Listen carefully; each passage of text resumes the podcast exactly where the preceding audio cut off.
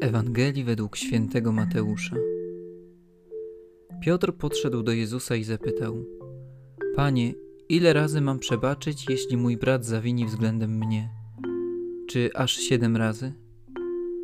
Jezus mu odrzekł: Nie mówię ci, że aż siedem razy, lecz aż siedemdziesiąt siedem razy. Dlatego podobne jest Królestwo Niebieskie do króla, który chciał się rozliczyć ze swymi sługami. Gdy zaczął się rozliczać, przyprowadzono mu jednego, który był mu winien dziesięć tysięcy talentów. Ponieważ nie miał z czego ich oddać, Pan kazał sprzedać go razem z żoną, dziećmi i całym jego mieniem, aby dług w ten sposób odzyskać. Wtedy sługa padł mu do stóp i prosił go: Panie, okaż mi cierpliwość, a wszystko ci oddam. Pan ulitował się nad owym sługą, uwolnił go i dług mu darował. Lecz gdy sługa ów wyszedł, spotkał jednego ze współsług, który mu był winien sto denarów.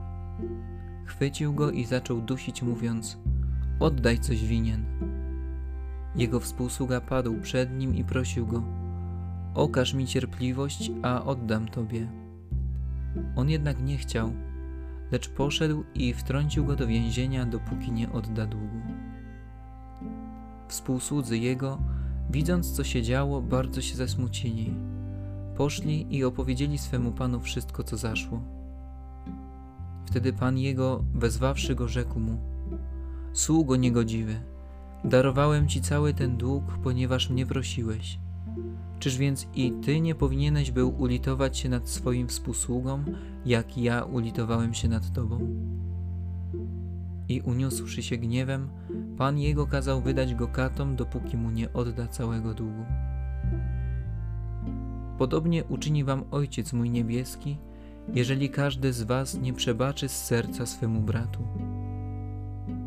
Gdy Jezus dokończył tych mów, opuścił Galileę i przeniósł się w granice Judei za Jordan.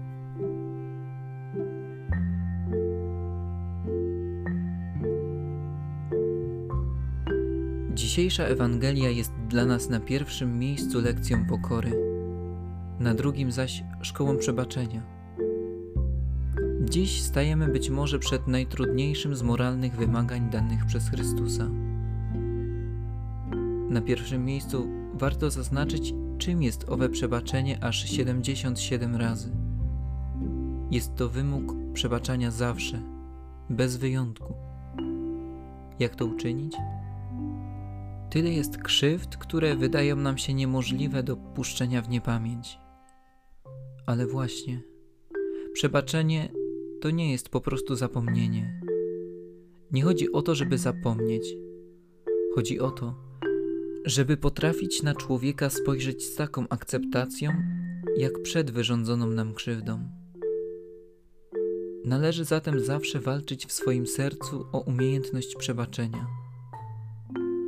Ważną rzeczą jest także, aby w tym wszystkim pamiętać o godności swojej osoby.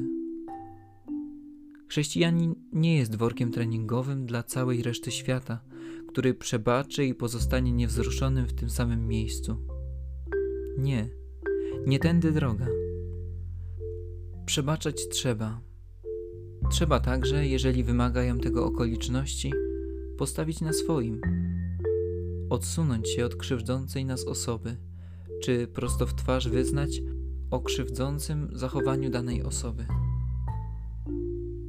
Przebaczenie to nie poniżenie swojej osoby poprzez świadome i ciągłe wystawianie się na krzywdy i poniżenia w podobnych okolicznościach od tych samych osób.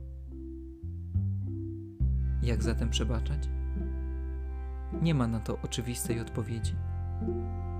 Na pewno przebaczenie ma początek w sercu zanurzonym na modlitwie. Nie da się chyba inaczej zdobyć na ten gest bez zgięcia kolan przed Bogiem. Po ludzku po prostu by nas to przerosło. Dlaczego tak się dzieje? Być może na modlitwie, gdzieś w najgłębszych zakamarkach naszej duszy, czujemy po prostu, jaki jest bilans przebaczenia My darujemy komuś kieliszek przebaczenia zaczerpnięty z oceanu, który darmo oddał w nasze ręce Bóg. Oceanu Jego krwi, i miłosierdzia.